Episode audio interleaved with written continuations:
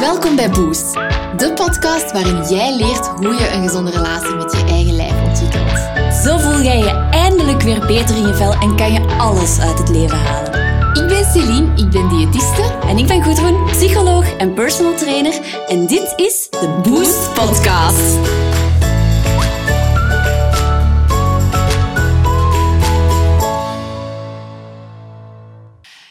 Welkom bij aflevering 18 van de Boost Podcast. Een van de meest gestelde vragen in mijn Instagram-inbox is: Celine, ik woon daar. Heb je een goede diëtiste? Jammer genoeg. Uh, is mijn oriëntatievermogen in België ten eerste al heel slecht. En ten tweede, nee, ik ken niet overal goede diëtisten, omdat ik daar zelf gewoon nog geen onderzoek naar heb gedaan. Uh, maar in deze aflevering willen wij jou leren uh, herkennen hoe dat je een goede diëtiste eigenlijk vindt. Want wij horen inderdaad heel veel verhalen van mensen van ja, ik ben al bij een diëtiste geweest, maar ik voelde mij daar eigenlijk niet goed bij en dat heeft eigenlijk niet echt geholpen. Dus wij willen eigenlijk een beetje een framework voorzien hoe dat jij op het eerste zicht kunt zien uh, of een diëtiste binnen onze visie past. Exact. Dus eigenlijk hoe je een diëtiste kunt herkennen, die werkt volgens onze visie. Ja. Een van de eerste belangrijke factoren voordat je bij een diëtiste start, is denk ik eens naar de website gaan. Ja. En als je merkt dat die persoon afslank shakes of producten verkoopt, um, dan werkt die waarschijnlijk niet volgens de principes van intuïtief eten, want dat valt totaal niet met elkaar te rijmen. Dus dat is al een heel gemakkelijke manier om een mhm. snelle schifting te maken tussen is dat een persoon die werkt voor puur gewichtsverlies of is dat eerder iemand die werkt volgens de principes van intuïtief eten. Ja, klopt. En dat kun je dus heel gemakkelijk checken op de website mm. vaak al. Maar ook ga eens opzoeken of dat die persoon misschien een Instagram-pagina heeft. Als je daarop curves ziet van gewicht of je ziet daarin voor- of na-foto's, ook dan weet je dat het heel gewichtsgerelateerd gaat mhm. zijn en dat er niet mm. echt aandacht wordt geschonken aan misschien het bredere plaatje, zoals onder andere ook de mm. mindset heel belangrijk is in uh, het framework dat wij gebruiken. Mm -hmm.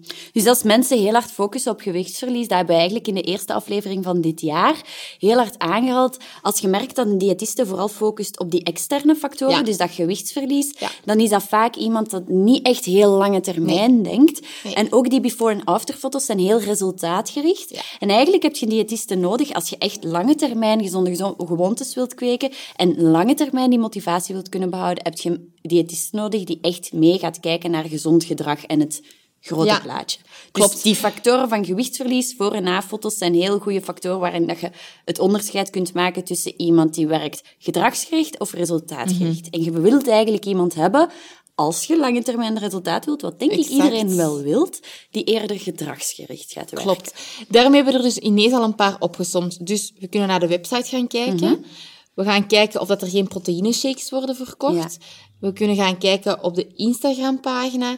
En we mhm. kunnen gaan kijken of dat er niet heel gewichts... Um, allee, wij willen liever dat er gewichtsneutraal wordt gewerkt en dat er niet te hard gericht wordt op afslanking. Ja. Maar natuurlijk, niet iedereen heeft een website waar alles op staat en niet iedereen heeft een Instagram-pagina. Nee. Dus stel, je gaat toch bij iemand een eerste consultatie doen en jij merkt dat hij van in het begin bijvoorbeeld al bepaalde voedingsmiddelen of voedingsgroepen begint te schrappen, dat zou ook een paar alarmbellen moeten doen gaan rinkelen. Eigenlijk. Klopt.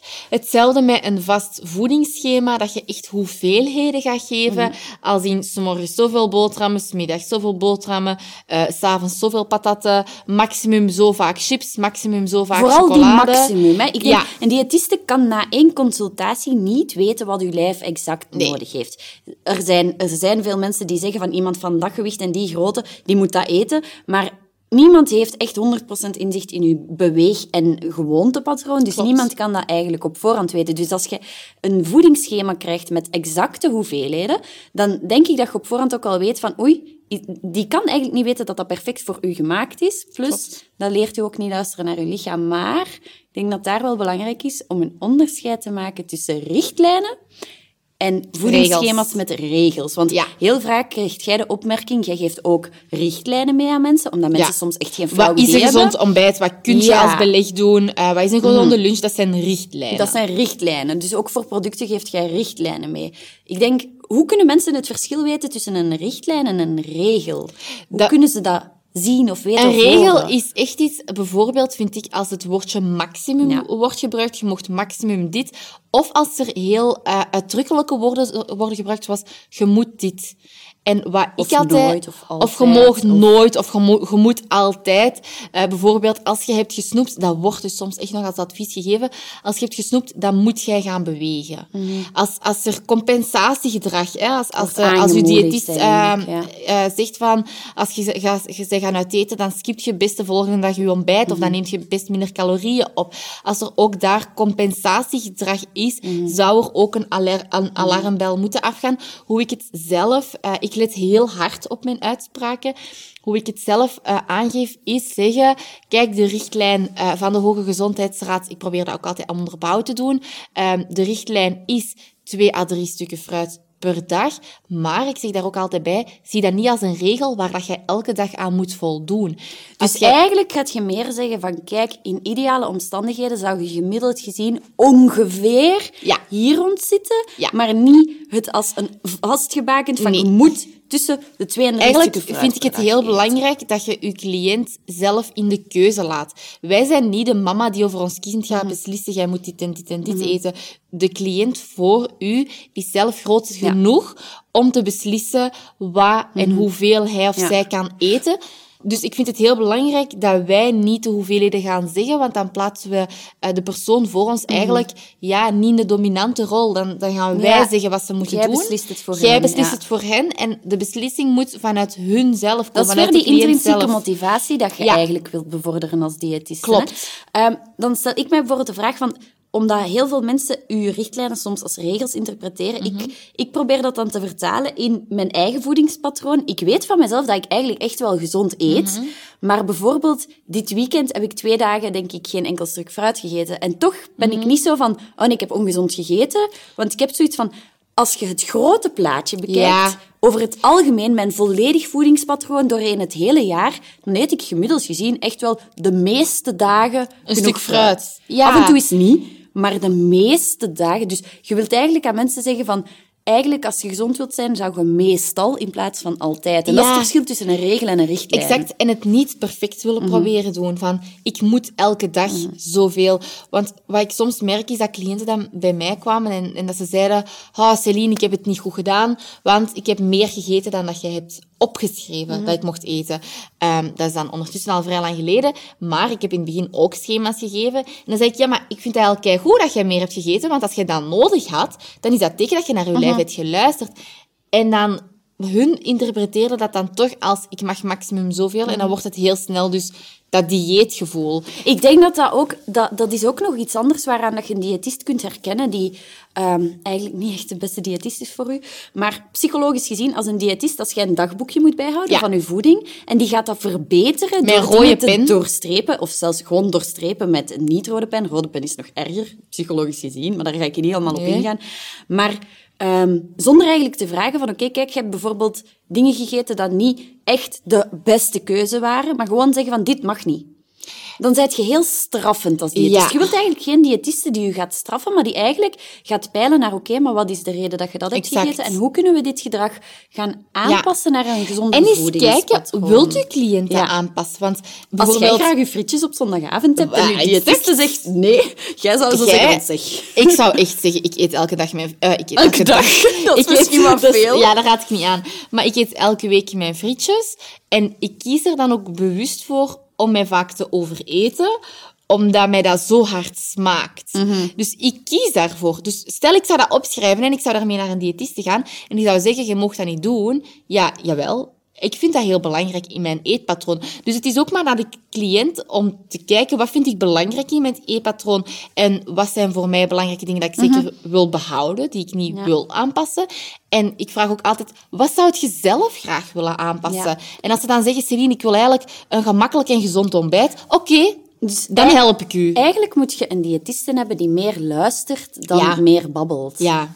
Dus Ja, eigenlijk is dat waar, een onderscheid. Want Dat als heel iemand hebt moeilijk. die gewoon uit de boeken dit en dit en dit moet je doen, eigenlijk moet je als diëtiste meer luisteren naar... Ja, de bal in... naar, in ja, de bal in een andere kant Ja. leggen. Dus aan die factoren kun je ook wel herkennen wat eigenlijk een goede diëtiste is. Net zoals een goede psycholoog. Bij een Ja. psycholoog is dat ook. Je moet eigenlijk meer kunnen luisteren, omdat je dan vertrekt vanuit de cliënt zijn standpunt. En op basis Absoluut. daarvan aanpassingen kunt gaan Ja. maken. Als jij vooral vertrekt vanuit het babbelen, dus het raadgeven, vertrekt je vanuit uw standpunt. Ja. En eigenlijk is het, is het de kunst van een goede diëtist om eigenlijk de brug te vormen tussen het eetpatroon van de, van de cliënt en dat wat dat je eigenlijk zou willen bereiken samen met de cliënt. Mhm. Ja, klopt. Dus dat zijn een aantal zaken waar dat je rekening mee kunt houden. Dus eigenlijk, als we die opsommen, heb je op de website eens kijken. Eerst en vooral, voordat je naar een diëtist gaat, of die proteïne shakes en van die De dingen website aanbiedt. checken. Of dat die focust op gewichtsverlies, zo before- Ja. en afterfoto's en zo. Als derde factor is het geen vaste voedingsschema's Nee. geven of voedingsgroepen schrappen Klopt. of strenge regels opstellen. Ja. En als laatste is het, ja, je kunt dat herkennen aan bijvoorbeeld je voedingsdagboek verbeteren door strepen te trekken. Klopt. Maar je- kunt dat wat breder trekken naar eigenlijk een diëtiste gaan zoeken die meer luistert dan Ja. één die alleen maar Exact. richting Perfect samengevat. geeft. Ja. Wat onze grote droom is, is dat wij een academy gaan maken voor zowel psychologen, personal trainers als diëtisten, om mensen op de visie, ehm, of de visie aan te leren die dat wij doen. Dus health at every size, niet richten op gewicht. Ja. Ehm, en wij zijn daar zelf ook voor door een proces moeten gaan. We hebben daarvoor heel veel research gedaan. We Heel hebben de laatste jaren heel veel bijgeleerd. Heel, hè? heel veel. En we merken ook dat er andere diëtisten zijn die heel, heel veel willen bijleren, Ja. maar niet goed weten waar. Hoe? Hoe moet ik daarmee starten? Eh, dus wat wij in de toekomst willen gaan doen, dat is er op dit moment nog niet, is eh, een academy oprichten, zodat wij eh, andere gezondheidsprofessionals daarin kunnen begeleiden om die visie dus Ja. toe te passen. Zodat mensen eigenlijk, want dat is eigenlijk het grootste probleem bij ons. We krijgen zoveel te vragen. Ik heb in mijn eigen praktijk wel vier diëtistes werken, maar ja, die hebben ook maar zoveel uren in Ja. een dag.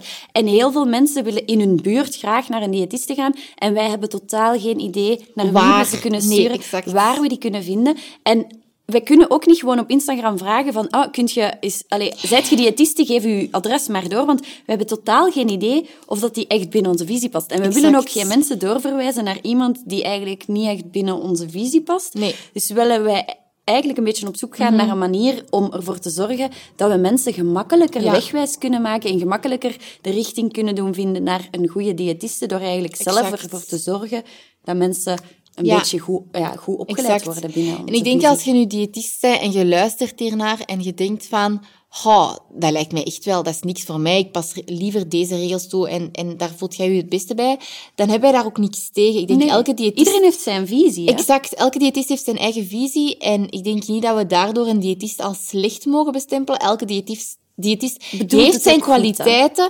en voor elke diëtist zal een bepaald cliënteel zijn dat effectief wel werkt. Dus Mhm. Ik ehm, denk dat ik gewoon vooral, ik be- bekijk het vooral van een psychologisch standpunt. Ja. Dat is iets wat de meeste diëtisten natuurlijk helemaal geen opleiding in hebben. Maar ik denk ook, het is niet, wij, wij, wij geven tips hoe dat je een echt goede diëtiste die op lange termijn goed werkt, maar dat betekent niet dat mensen die niet volgens die visie werken het Ja. slecht bedoelen. Nee, exact. Iedereen heeft echt wel meestal het beste met u voor. ja, absoluut. Dat daar denk ik daar gaan wij wel. altijd van uit. Maar ik denk ook dat diëtistes die naar deze aflevering luisteren, wel misschien eens moeten nadenken van oei, misschien focus ik te, te veel op gewicht in mijn praktijk. Wel, misschien kan ik toch mijn Er visie een beetje bijsturen. Ja, er zijn diëtisten die mij soms op Instagram sturen van oh, je inspireert mij echt met deze visie. En dan vind ik dat zalig, Mhm. ehm, dat we met diëtisten sterk staan. Mhm. Ik heb effectief eh, een diëtiste gehad die mij heeft geblokkeerd, omdat ik hetzelfde zei als haar. Eh, Niet tot- geleden, dat is toch dan denk ik zo, allee, ehm, tot, ten eerste, ik, ik, ha- ik haal eh, geen inspiratie. ehm tuurlijk haal ik inspiratie bij diëtisten, maar dat zijn vaak Amerikaanse diëtisten die echt nog wel vaak veel eh, qua kennis voorop staan Ja. op Belgische diëtisten. Maar plus, ik denk ook, waarom zou je me blo- mij blokkeren? Want wij hebben gewoon dezelfde visie en samen staan we sterk. Samen gaan we die, dat diëten eruit halen. Dus wa- waarom... Ja. Maar onder diëtisten, mag ik eerlijk zijn, is er soms concurrentiegevoel. Maar er zijn zoveel mensen die ermee worstelen. Er is echt werk genoeg. Er is werk genoeg voor iedereen. En ik denk gewoon dat we Ja. niet moeten beginnen van, met, vanuit een mindset van te weinig, maar Ja. eerder vanuit, kom aan mannetjes, samen staan we sterk. We willen Ehm, allemaal mensen we helpen. wil- we hebben allemaal hetzelfde doel, we willen allemaal mensen helpen. Jij hebt ook een heel proces afgelegd om tot Maar deze visie te heel komen. zot, hè. heel zot. bent ook gestart met voedingsschema's. Exact. Je hebt ook die weg afgelegd. En Exact. Wij hopen ook dat andere mensen die hier naar luisteren misschien een beetje beginnen nadenken van hoe kan ik mijn visie misschien een beetje bijsturen. Als je dat niet wilt, ook Ook helemaal prima. Maar uit onderzoek blijkt wel dat die visie Ja. op lange termijn Heel goede resultaten heel goede resultaten geeft. Ja. Ook al is dat iets wat misschien nog maar van de laatste jaren, Ja.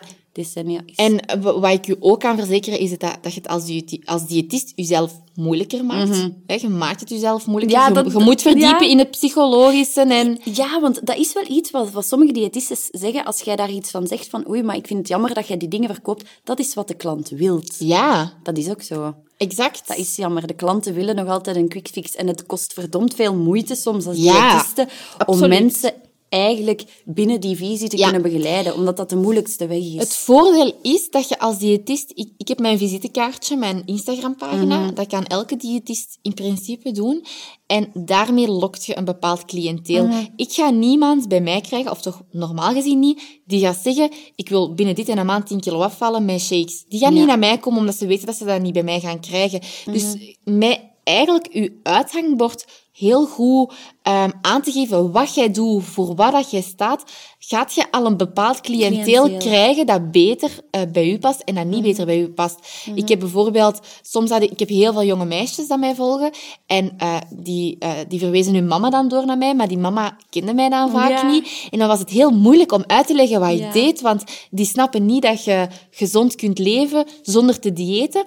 En dat je ook kunt Ja, die zijn ook afvallen vaak- zonder te diëten. Zeker, dat gaat. zeker mensen van een oudere generatie zijn echt wel opgegroeid in de dieetgeneratie. Hè? Waarin dat het iedereen op dieet was. Ja. Atkins, Sonja Bakker, al die dingen. Ja. Iedereen was vroeger op dieet. En het is pas nu, de laatste jaren, dat men ziet van oei, maar mensen zijn al zo lang op dieet. En eigenlijk wordt de maatschappij alleen maar zwaarder. Dus misschien is het de oplossing niet. Het is maar de laatste jaren dat mensen op zoek zijn gegaan naar oké, als dat de oplossing niet is, hoe kunnen we het dan wel? Maar ik merk ook vooral bij de oudere generatie dat die wel echt zijn opgegroeid in een cultuur waarin dat, dat Ja. normaal is. En dat wij nu heel hard aan de kar aan trekken zijn. En er ook veel anderen aan de Ja. kar aan het trekken zijn om daar iets in te veranderen. Maar we zijn er echt nog lang niet. Om maar een voorbeeld te geven, mijn, mijn mama zei eh, pas tegen mij, en die leeft dan met mij samen, eh, vanaf maandag ga ik op de rem.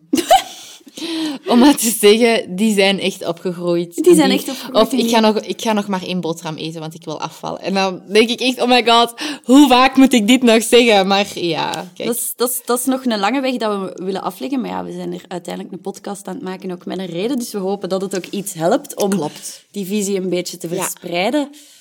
Voilà, dus ehm, ik denk dat we bij deze de podcast kunnen Ja. afsluiten. Ik hoop dat jullie er veel aan hebben gehad, dat je nu iets gerichter op zoek kunt gaan naar een eh, goede gekwalificeerde diëtiste. Ja. En als je zoiets hebt van, goh, dat is niet het soort type diëtiste waar ik mij goed bij voel, zoek dan vooral iemand waar dat je je goed bij voelt. Ehm, je mocht altijd ook mailen. Hè. Je gaat je geld Mhm. uitgeven aan iemand. Je mocht altijd mailen. hey, ik zou wat meer info willen op u, over uw visie. En afhankelijk daarvan afstemmen of het uw ding is of niet. Mhm.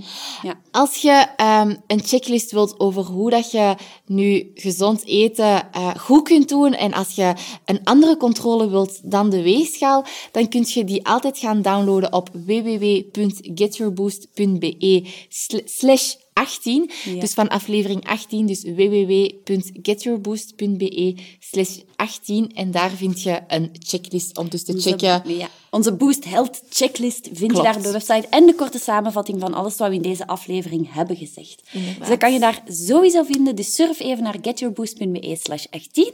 En deel eventueel ook onze aflevering als je die leuk vond. Als je andere mensen wilt helpen om de Ja. goede diëtistes te vinden. Deel hem in je stories. Tag at getyourboost. En dan zien we jullie volgende keer weer Yes. met een Tot nieuwe volgende aflevering. week. Ciao!